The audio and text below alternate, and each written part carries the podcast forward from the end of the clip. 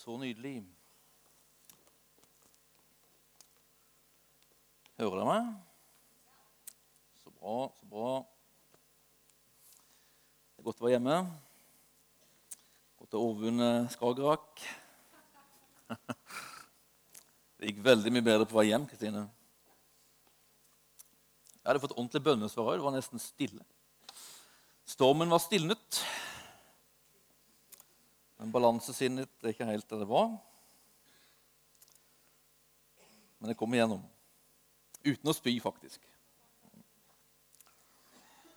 Veldig herlig å være tilbake igjen. Det er um, spennende, faktisk, syns jeg. Spennende tider, syns du det? Det er bra, det er bra. Sommeren har vært god. Ferien har vært fin, selv om man merker nå at ferie ikke var det en gang var når man har to små barn. Så man har fått gjort andre ting. Hvile, vet jeg. Men andre ting Det er godt å gjøre andre ting. Det er godt å gjøre andre ting. Men jeg ser fram mot eh, nå å liksom få komme sammen igjen. Det er veldig godt å komme sammen fra liksom alle de her høytidene som jo sommeren nesten er blitt. Det er masse stevner på rad og rekke. Til det er hverdagen. Fra den store familien der ute til det som holdt jeg på å si, kjernefamilien her hjemme i menighet. Og eh, denne herlige hverdagen. Du vet, Vi er kalt til hverdagsliv med Jesus hver dag. Hver dag. Vi er kalt til å leve blant mennesker. Vi er kalt til å gi han en kropp, Jesus, i denne bygda. Så det er hverdagen vi er kalt til. Og alle stevner og alt sånt her, det er bare en slags boost og en, sånn, en eh, istandsettelse for hverdagsliv. Hverdagsliv. Han bor du i hverdagen. han i hverdagen. Og han ønsker å ut gjennom ditt liv i hverdagen. Så det er herlig. Vi er utsendt av han. Utsendt til denne bygda som menighet. Vi er utsendt til våre ulike nabolag som enkeltmennesker. Til våre ulike arbeidsplasser. Utsendt. En utsending. Vet du, på gresk så heter det utsending. Det er ord apostolos. Det er samme ord som apostel. Det brukes faktisk ikke bare om det vi kaller tjenestegaven apostel. Det brukes om vanlige, utsendte mennesker. Som vi er egentlig kalt til å være et apostolisk folk. Utsendt av Han. Og en utsendt, en apostolos, det var, en sånn, det var et kjent begrep i antikken. En, en som var utsendt med et oppdrag.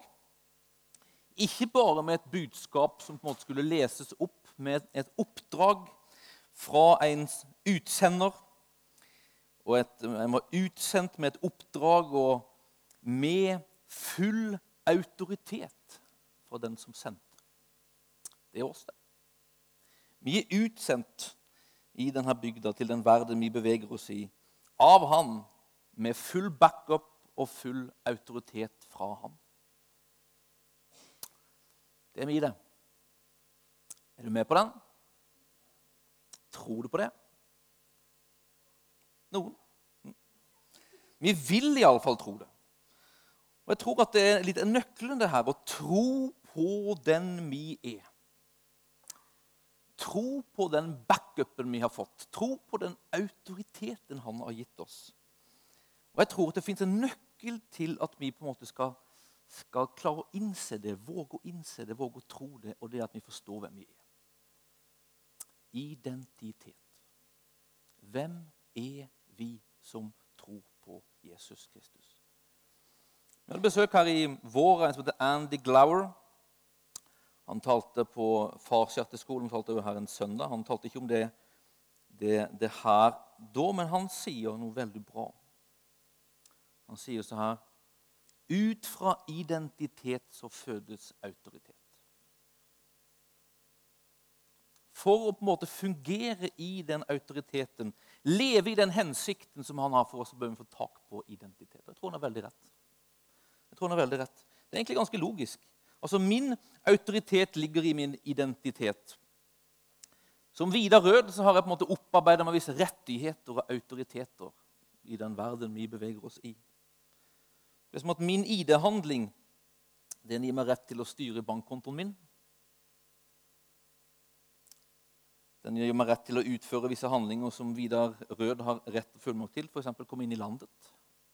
Vi sleit faktisk litt på vei hjem fra Danmark. Jeg hadde min autoritet i det i orden, men Sandra hadde ikke.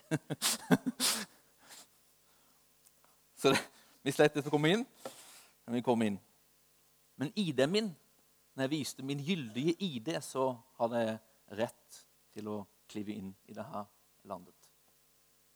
Vår identitet gir oss rettigheter. Jeg tror vi bør kjenne vår identitet som kristne. Hvem vi er gjennom troen på Jesus Kristus. Og Når jeg sier at vi bør kjenne til den, så, så, mener jeg ikke å kjenne til det som at vi har hørt det en gang eller ti. Jeg mener vi behøver å stole på den, tro på den, være trygge på den, være sikre på den. Ha en tro på hvem vi er. Og jeg, jeg, vi har talt om det her å være etterfølger av Jesus Kristus. Og jeg tror at Guds drøm og tanke og lengsel for våre liv er at vi skal være etterfølgere av ham. Gjøre hans gjerninger. Holde på med det han holdt på med når han gikk på jorda. En nøkkel til det det er å få tak på vår identitet. Vår identitet. Den herre etterfølgers identitet. Det er den grunnen jeg tror vi må stå på og bevege oss ut ifra. Sannheten om hvem vi er i Han, bør bli bygd sterkt i våre liv. Så sterkt at den ikke liksom smuldrer opp eller forsvinner når vi møter på andre holdninger fra andre. Eller omstendigheter rundt oss eller følelser i oss som vil si noe annet. Som vil si at vi ingenting er. Som vil få oss til å gå med bøyde hoder. Vi får tak på sannheten av hvem vi er i Kristus. Og den sannheten den fins i Hans ord. I Hans ord. Jeg tenkte vi skulle begynne i Hosea 4,14. Jeg kommer til å tale om det her med identitet nå noen uker framover, tror jeg. Hosea 4, 14. Og leste jo det her på bønnemøtet på onsdag. Og Det er på en måte den siste setningen der i dette tilfellet er ute etter. Der står det Et folk uten innsikt vil falle. står det. Et folk uten innsikt vil falle. Og Ut fra liksom originalspråket der så forstår vi at, at eh, det som årsaker det her fallet, det er bristen på innsikt. Bristen på innsikt. I sammenhengen så handler det om hvordan israelsfolket har glemt bort Herrens ord, begynt å følge folkene rundt sine måter å leve på, måter å dyrke gudene på, og at konsekvensene av det her er at folket faller inn på veier som ikke er i linje med det Gud har tenkt. Og uten innsikt så kommer man til kort. står det. Så faller man. Man blir svakere og begrensa. Ja, man til og med mister liksom grepet med det Gud og om det Gud har tenkt og vil. Livet blir ikke som han har tenkt. Uten innsikt så, så kan man ikke leve fullt ut som Gud vil og som Gud har tenkt. Altså, Det er faktisk sånn at vi, vi lever som vi har innsikt om. Altså, Man lever etter den innsikten man har. Det er sånn det er. Og Når det gjelder det her med identitet, så handler det om akkurat det her. Hva, hva er innsikten din eller oppfatningen din når det gjelder hvem du er? Det er det, det er det, vi prater om. Vi prater om identitet. Hvem er du ifølge din oppfatning, ifølge din innsikt? Og Den oppfatning, den innsikt du har om deg sjøl, styrer ditt liv, måten du lever på.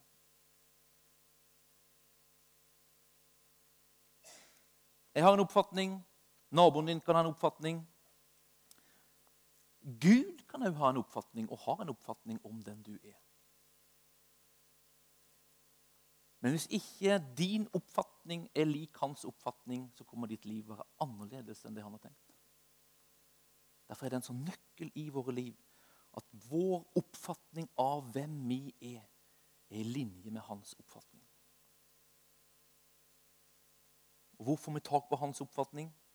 Hans ord. Hans ord. Jeg tenkte vi skulle gå til Galaterbrevet 2.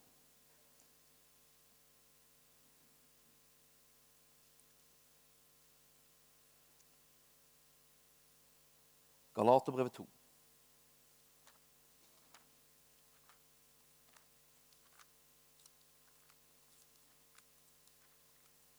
Jeg kommer til å tale om det her litt med identitet noen uker, tror jeg.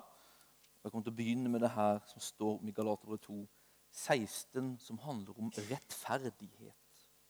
Det er en del av din identitet som kristen, som Jesus tror at du er rettferdiggjort. At du er rettferdig. Vers 16 leser det. Men vi vet at ikke noe menneske blir rettferdig for Gud ved gjerninger som loven krever. Bare ved troen på Jesus Kristus.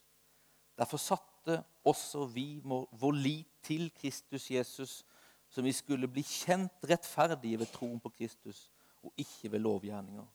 For ikke noe menneske blir rettferdig ved lovgjerninger, står det. Rettferdig.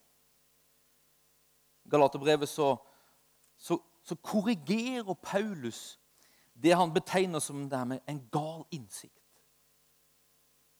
En gal innsikt som de kristne i dette området Det er et område som, som, eh, som fins i den tiden, slik som romersk rike, et område i dagens Tyrkia. Og dette området så har Paulus vært, han har forkynt evangeliet. De har kommet til tro på evangeliet. Men så etter Paulus har på en måte reist derfra, så har det kommet tilreisende dit og på en måte forvrengt Paulus' budskap, forvrengt Paulus' evangelium. Det budskapet om at frelse og liv er tilgjengelig gjennom troen på Jesus Kristus. Noen har kommet og måtte forvrengt det. Så mye at de kristne der har begynt å følge det her andre. Og det er ifølge Paulus løgnaktige budskap i stedet. Innsikten er ikke lenger rett innsikten er feil. Den sannheten som, som, de sto på når Paulus var der og reiste derfra, den har begynt å smuldre opp og forsvinner under dem. De er i ferd med å, å, falle, som vi leste om i Hosea. Falle inn i et liv som ikke Gud hadde tenkt for dem. De har mista taket på sannheten om hvem de er, som Paulus hadde, hadde vist dem. Og til og med Peter har begynt å falle, sier Paulus her. Det her er sammenhengen som Paulus taler det her verset.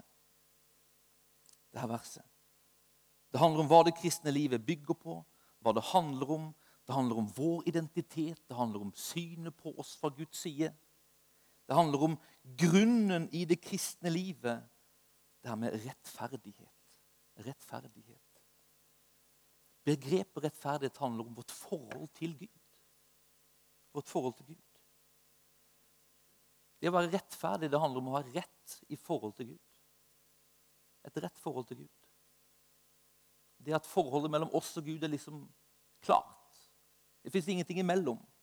Det er fred i det, sier Paulus i romerbrevet. Og hva er det, ifølge Paulus, som gjør at vi havner rett i forhold til Gud?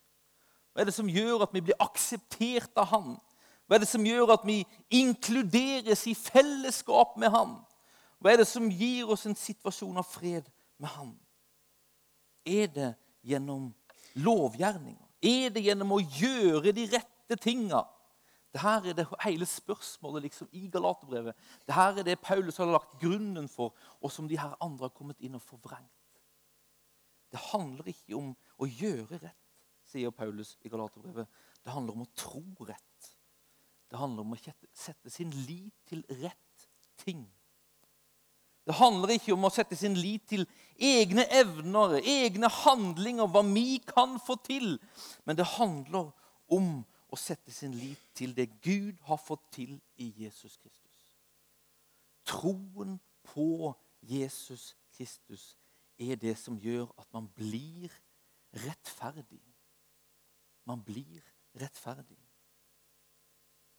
Ved å sette sin lit til Jesus Kristus, ved å ta imot ham, Ved å si ja takk til Han i livet vårt, så inkluderes vi i fellesskap. Vi havner i et forhold med Gud der vi er akseptert og veier tungt nok. Vi er i rett relasjon med Gud gjennom troen på Jesus Kristus. Vi er rettferdige. Vi er fine nok, gode nok, flinke nok, fromme nok, hellige nok for fellesskap med Han gjennom troen på Jesus Kristus og ingenting annet og ingenting dertil. Det er Paulus budskap i Galaterbrevet. Og Det er akkurat det her Det er akkurat det her som Paulus adresserer, og det er akkurat det han møter på. At noen har kommet inn og forkynt noe annet.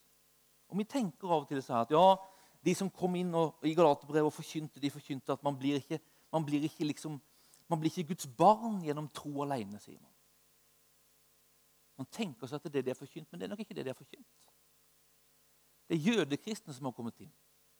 Og for en jøde så ble man ikke jøde gjennom å følge loven. Man ble jøde gjennom utvelgelse. Man blir født inn i Guds folk. Så det de her på en måte har angrepet og liksom prøvd liksom å endre på hos Paulus, i Paulus' forkynnelse, det er ikke at man liksom behøver å, å, å, følge loven for å gjennom loven bli kristen. Nei. Men det de har gjort, de har sagt ja, du blir kristen ved å tro på Jesus Kristus. Men så behøver du loven for å forbli kristen. Det var jødenes lott. Det var, de, det var, det å være jøde. Man ble jøde gjennom at man ble født som jøde. Men når man var jøde, så fikk man loven, og gjennom å følge loven så forblei man jøde. Det Paulus sier og på en måte angriper, går imot og forsvarer, det er at du, det er at du må fortsette liksom, ditt kristne liv. Det du begynte ved troen på Jesus Kristus, har de andre sagt, det må du fortsette med å holde loven. Du må holde loven for å fortsatt være frelst, har de sagt. Paulus sier nei. Det er ikke evangelium. Evangelium er at du blir frelst ved troen på Jesus Kristus. Og du forblir frelst ved troen på Jesus Kristus. Det er aldri gjerninger. Det er aldri gjerninger som er grunnen for ditt forhold til Gud. Det er aldri ved å gjøre gjerninger som du oppbeholder din rettferdige status hos ham. Det er troen på ham i begynnelsen. Det er troen på ham i fortsettelsen. Det er troen på ham enda inn i kaklet, sier man på svensk. Altså, svømmerne de svømmer inn i kaklet. Altså, når de går i mål, så slår de liksom i veggen her. Hele veien. I rombrevet sier Paulus at det er fra tro til tro. En engelsk oversetter sier uh, of, of faith from first to last. Det er tro. Det har sneket seg inn hos galaterne det som de andre på en måte har forsøkt liksom å infiltrere. Ja, Det begynner med tro, men når du kommer til tro på Jesus, tilhører han, så behøver du å bevare det forholdet rett ved å gjøre det loven sier. Hvor lett er ikke det at det sniker seg inn hos oss? Hvor lett er det ikke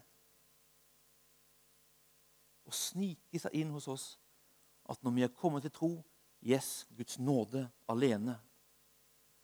Men for å holde oss rett med Gud, for å holde oss der Han stempler oss som godkjent og god nok, så må vi prestere litt. Og hvis vi ikke presterer, så endrer hans holdning seg. Det er lett, det. Det er lett.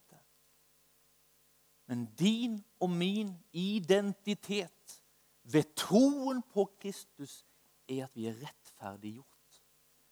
Ikke av våre egne gjerninger, men av den gjerning som Gud har gjort, fullbyrda i Jesus Kristus. Ved troen på den erklæres vi rettferdig og forblir vi rettferdig. Troen på den. Dette er grunnen vi står på. Dette er identiteten vi står på. Rettferdige. Rettferdige. Rettferdige. Og den grunnen er Jesus Kristus og hans gjerning. Ikke la det snike seg inn noen ting som setter spørsmål ved den grunnen, basert på hva du har gjort eller ikke gjort. Altså, Paulus er så radikal i det her han sier når det gjelder din frelse, når det gjelder din status hos Gud, din identitet med Gud, ditt forhold til Gud, så er all ros utelukka, sier han. All ros er utelukka.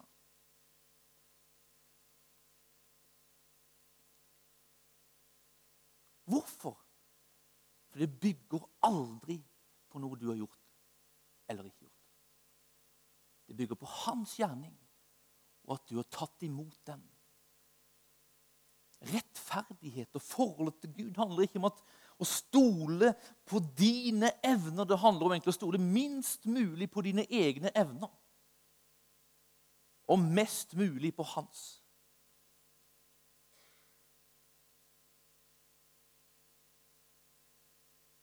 På grunn av hans gjerning, så står vi der. Støtt og stadig så lenge hans gjerning holder. Og den holder. Den er evig, står det i brevbrevet. Et evig offer.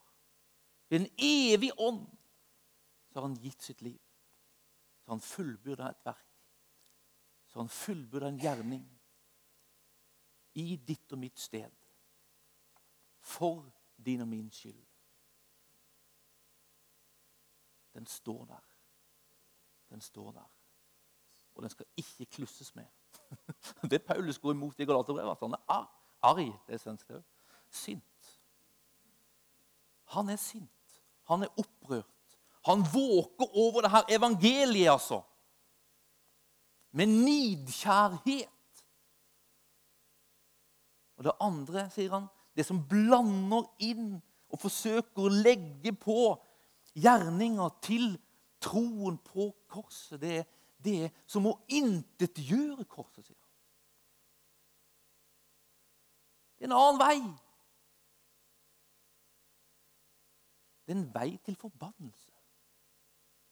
Veien inn i velsignelse, veien inn i livet, det er åpna, og det er Jesus Kristus som er veien, og det å stå på Han som er grunnen til din og min stilling i forhold til Gud.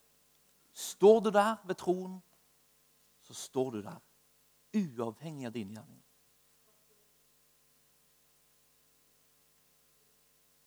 Der er evangelium. Og det er liksom enkelt, egentlig. altså. Men det like så vanskelig å få tak på. Åssen får vi tak på det? Innsikt. Ikke at vi har hørt det, men at vi forstår det her. Ikke gjennom en sånn intellektuelt forståelse. Ja, jeg ser hva det står, og forstår det. Forstår det språktekniske og sammenhengende og historien rundt. og Forstår det intellektuelt. Det handler heller ikke bare om følelser. Det handler ikke om bare jeg, Da kjenner jeg meg rettferdig. Jeg kjenner meg trygg i det. Det er veldig bra å kjenne seg trygg. Altså. Men det er dypere enn alt det der. Altså. Det er dypere enn alt det der. Det handler om en innsikt som handler om en hjerteinnsikt. Altså en trygghet og en visshet og en overbevisning som er så mye dypere enn skallen og følelsene. Åssen får vi tak på det? Åssen får vi tak på det? Man får tak gjennom Guds ord. Men hvis vi bare har Guds ord, så blir det lett skalle. Formelen tror jeg for innsikt, det er ordet pluss ånden. Det er Guds ord pluss hans nærvær, kan du si. Der de på en måte smelter sammen, der er resultatet innsikt.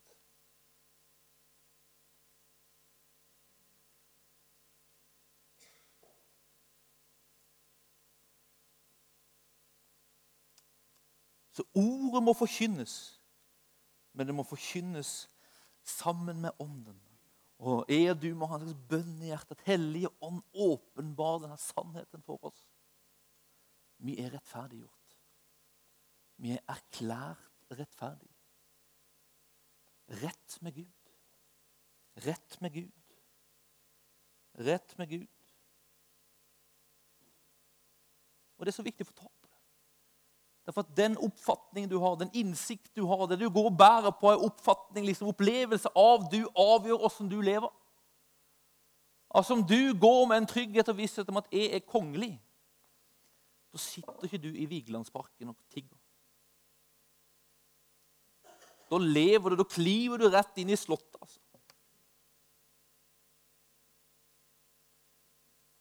Men hvis du går med en opplevelse at jeg er urfattig, eier ingenting Da er du ikke veldig frimodig når du banker på slottsdøra.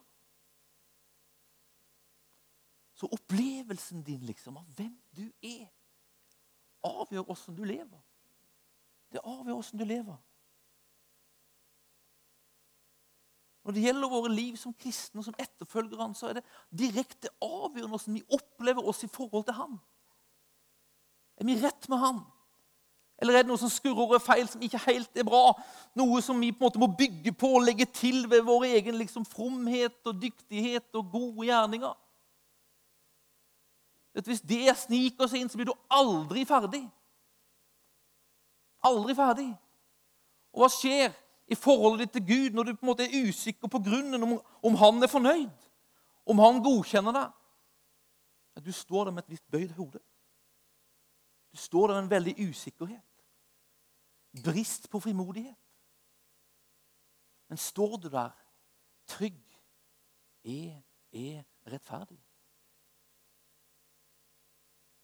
Du står i speilet på morgenen, ser deg inn i speilet, og så kan du si høyt så her, helt ærlig og med trygg, liksom trygghet her inne sånn, Der ser jeg på en rettferdig mann.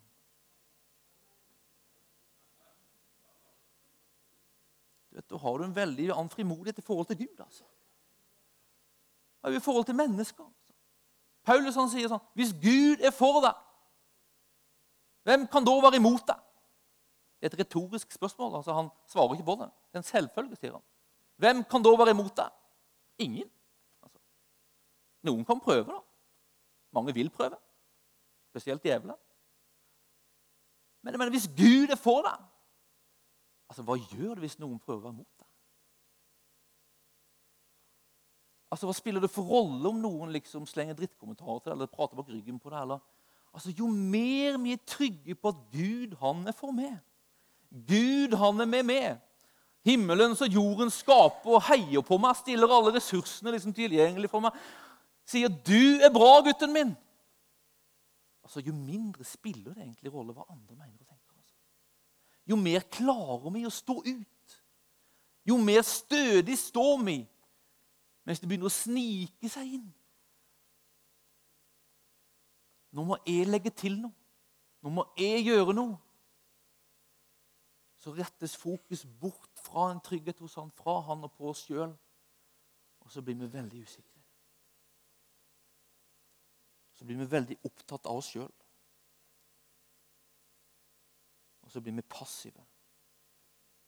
Og så begynner vi å se på oss sjøl og si sånn at det der er ikke en kandidat til det der.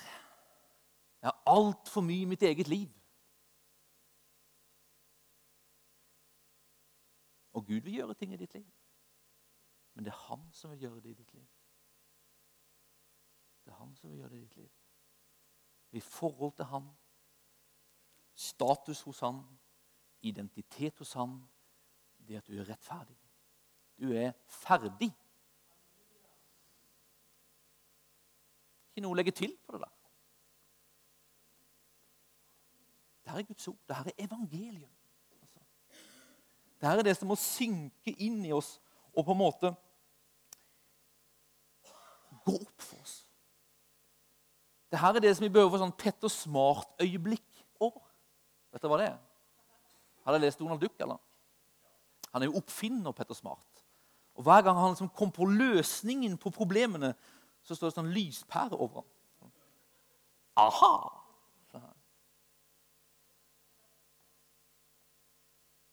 Det er det som skjer når ordet og ånden smelter sammen. Så får vi aha-øyeblikk. Så forstår vi aha. Så går det opp et lys for hele liksom, vårt indre. Sånn er det. Og det er det vi behøver. Poletten Har dere polletter i Norge? Vi har, vi har, har dere polletter i Norge? Har vi polletter i Norge? I Sverige bruker vi si 'polletten må ramle ned'. Ja, eksakt. I Sverige har man ofte sånn, bor i sånne kollektive liksom, blokker. og sånn, og Da har man vaskestuer som alltid drives av polletter. Så før polletten ramler ned, så funker ikke vaskemaskinen. Ofte var det problemer for polletten til å falle ned. Stor frustrasjon. Når polletten faller ned, så funker det. Polletten behøver å falle ned. Ordet behøver å falle ned. Vekke et aha. Da skjer det noe. Da skjer det noe. Det her med rettferdighet, det her med relasjonen, rett i forhold til Gud, det er så grunnleggende og så viktig. Så når jeg gikk bibelskole, så holdt vi på med det her og holdt på med det her og holdt på med det her for at polletten skulle ramle ned. Jeg tror vi hadde 30 skoletimer om rettferdighet i første klasse. 30! Og det ble undervist fra den ene sida og andre sida og tredje sida og fjerde sida for at litt etter litt så skulle liksom polletten falle ned. Og vi skulle stå der og forstå at jeg er god nok. Jeg behøver ikke legge til noe hvis jeg bare har stilt meg gjennom tro på Jesus Kristus. Rettferdiggjort. Og jeg mener, Du så forskjeller på folk. Jeg husker en gutt. I begynnelsen av høstterminen så, så, så, når man møtte han, så gikk han her. Og han gikk alltid lengst inntil veggen. Det syntes man nesten ville gå gjennom veggen da man møtte han. Altså. Og Hodet var bøyd, og han så ikke opp. og man fikk liksom ikke kontakt med han. Og Så satt han under undervisningen om rettferdiggjørelse og rettferdighet. Og så, og så litt etter litt etter litt så begynte polletten å falle ned, og så begynte lyset liksom å gå opp, og så begynte han liksom å få mer og mer håp og mer og mer en, et, en tro at han faktisk ikke var så gal. Og litt etter litt så begynte blikket å heve seg. Og så begynte han å lene seg litt mindre på veggen. Og til slutt fikk man kontakt. Så kunne man si hei, og så kunne man si hei tilbake igjen. Denne forvandlingen og Guds ord får skape en innsikt i våre liv. Som stiller oss på en fast grunn. Den er så avgjørende og så viktig. Hvis vi skal leve ut Jesus' lignende liv i denne bygda, så må vi vite hvem vi er. At vi er i Han. Ett med Han. Lik Han òg i det at vi er rett i vårt forhold til Gud. Som gjør at Gud ser oss, på oss med fornøyde øyne. Som gjør at han liker oss, som gjør at han er med oss, som gjør at han backer oss, som gjør at han bor i oss, som gjør at han har gitt oss ånden, som gjør at han vil virke gjennom våre liv. Vi var trygge på det. Og jo mer vi er trygge på det, jo mer vi er overbevist om det, jo mer vi tror det, jo mer kommer du og meg til å påvirke atmosfæren rundt oss og påvirke mennesker rundt oss med Han og Hans nærvær. Det å få tak på det her, det er likt forvandla liv. Jeg har sett det så ofte og hørt det så ofte. Og jeg elsker det. altså. Jeg hadde en, en, et bla, bladde litt i arkivet mitt, holdt jeg på å si, Arken-arkivet. Jeg har funnet fram to intervjuer faktisk med et par kolleger av meg, tidligere kollegaer, som har opplevd akkurat det her, åssen det her med undervisningen om rettferdighet, sannheten om rettferdiggjørelse, at jeg er rettferdig, har påvirka og forvandla mennesker. Den første du skal få møte, er Susann. Jeg og Susann vi jobber sammen på bibelskolen et år. Vi delte kontor. Hun er en, eh, et kaliber av et menneske. Jobber med mennesker. Eh, er rak med mennesker, men et enormt hjerte for mennesker. Tålmodig med mennesker. Og jobber med de vanskeligste av de vanskeligste tilfellene på Arkens bibelskole. Jeg var veldig glad for at jeg kunne bare overlate de vanskeligste tilfellene til henne. Og så kunne, kunne jeg ta de lette. Vi delte ansvar for sjelesorgen et år. Og hun forteller i det om hvordan hun måtte fikk tak i det her med rettferdighet. Hvordan det påvirka hun i forhold til Gud og i forhold til mennesker. Susann står i en, en plass der forventningene og kravene både fra holdt jeg på å si, klienter og ledere er massivt. Da må man stå fast. Selv om man ikke klarer å, nå opp og oppfylle alle krav og forventninger, så er jeg trygg hos ham. La oss høre litt. Hvis du får den på. Det första som var väldigt starkt för mig, det var med rättfärdiggörelse. Og vitne om bibelskolen. At jeg er rettferdiggjort. Jeg har hatt en sånn her steg man har klättrat på, det har vi väl många. Å være godkjent, å gjøre rett og lykkes, gjøre bra ifrån seg. Og så mislykkes man, faller og så er det rakt ned, og så er det begynner å klatre igjen. Når jeg fikk denne undervisningen og polletten ramlade ned, det var som å komme til himlen. Å forstå Jeg er älskad och godkänd för den jag är, inte för det jag gör. För det har jag haft mycket i mitt liv med prestation, att vara duktig, att uh, uh, eh, hela tiden så att jag ska vara godkänd, älskad, att prestera, prestera, prestera. Och så slapp du Ja. och klättra på denna stege. Åh, det var underbart. Rä- Rättfärdiggörelsen. Tänk att ett ämne sådär, det är ju egentligen grunden för allting, att vi älskar, att han Ja. först har älskat oss. Men att det påverkar sen alla livets olika områden. Kan du säga något konkret som hände utifrån den här undervisningen som du minns som, som blev annorlunda i hur du levde ditt liv? Jo, jag menar, jag, jag började känna jag måste inte göra saker för att vara godkänd och älskad. Att jag fick slappna av, det kom en vila. Relationen till andra Ja, människor, blev ja. den annorlunda eller? Ja, det är ju, jag menar jag behövde inte, jag menar förut man var alltid, man gjorde saker för att jag ska vara godkänd eller att de inte ska förkasta mig eller förskjuta mig. Att jag faktiskt kunde säga nej och jag klarade av, även fast det blev en reaktion. Det hade jag aldrig kunnat gjort för. Då gjorde jag alltid vad till lags för att inte att de ska förskjuta mig eller säga någonting som sårar mig. Jag kände att det var inte lika mottaglig och känslig för det. Är du inte lika lätt, du är inte lätt sårad idag? Nej, det är jag inte. Du har fått eh, det som man tal- talar om att ha en Det var Susanne. Bein i nesa har hun fått. Hun er ikke så lett såra. Men det kreves, altså. Våre liv kan kreve det. At vi kan stå fast i vanskelige ting når ting kommer imot oss. Så stå på Han, være trygg i Han, er så viktig. Jeg tenkte skulle møte Samuel òg. Samuel var full av menneskefrukt. Han var så full av menneskefrukt, Samuel, at han at han til og med hadde problemer med å gå i butikker. Han hadde problemer med å stille seg i kassa og betale, for noe, da måtte noen prate med ham. Han låste seg inn bak en dataskjerm hadde problemer med å gå ut. Men vi skal høre hvordan hans vitnesbyrd handler om at når han fikk tak på det her, så begynte menneskefrykten å forsvinne. Og han ble det han skulle beskrive som løst fra det. La oss høre. Inte vara rädd helt enkelt. Höll, slog det, liksom, var- det dag eller var det som en stadig process? Ja, i vissa dager så kunde jeg ju eh, en släng av, av fruktan sådär.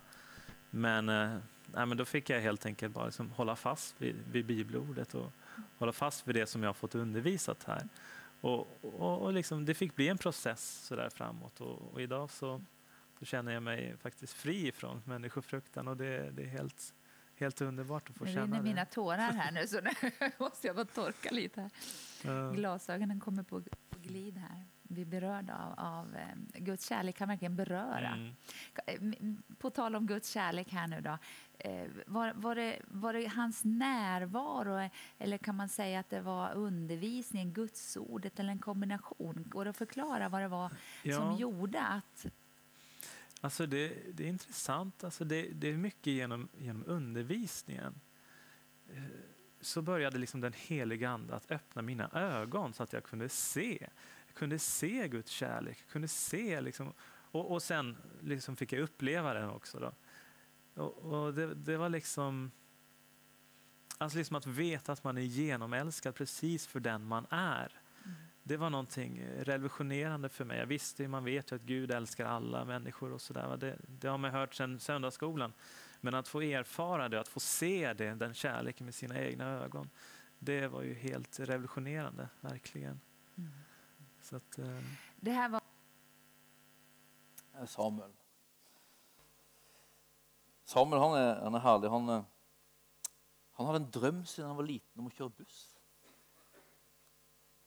Helt fjernt for meg. Men så, så etter det her, han, På den tida så jobbet han på Arken. jeg var der så han på Arken. Etter hvert så, så han slutta på Arken, jobber frivillig på Arken, men nå kjører han buss. Midt blant mennesker, ser mennesker inn i øynene. Gjensvar til noen ikke kunne gjensvart til tidligere pga.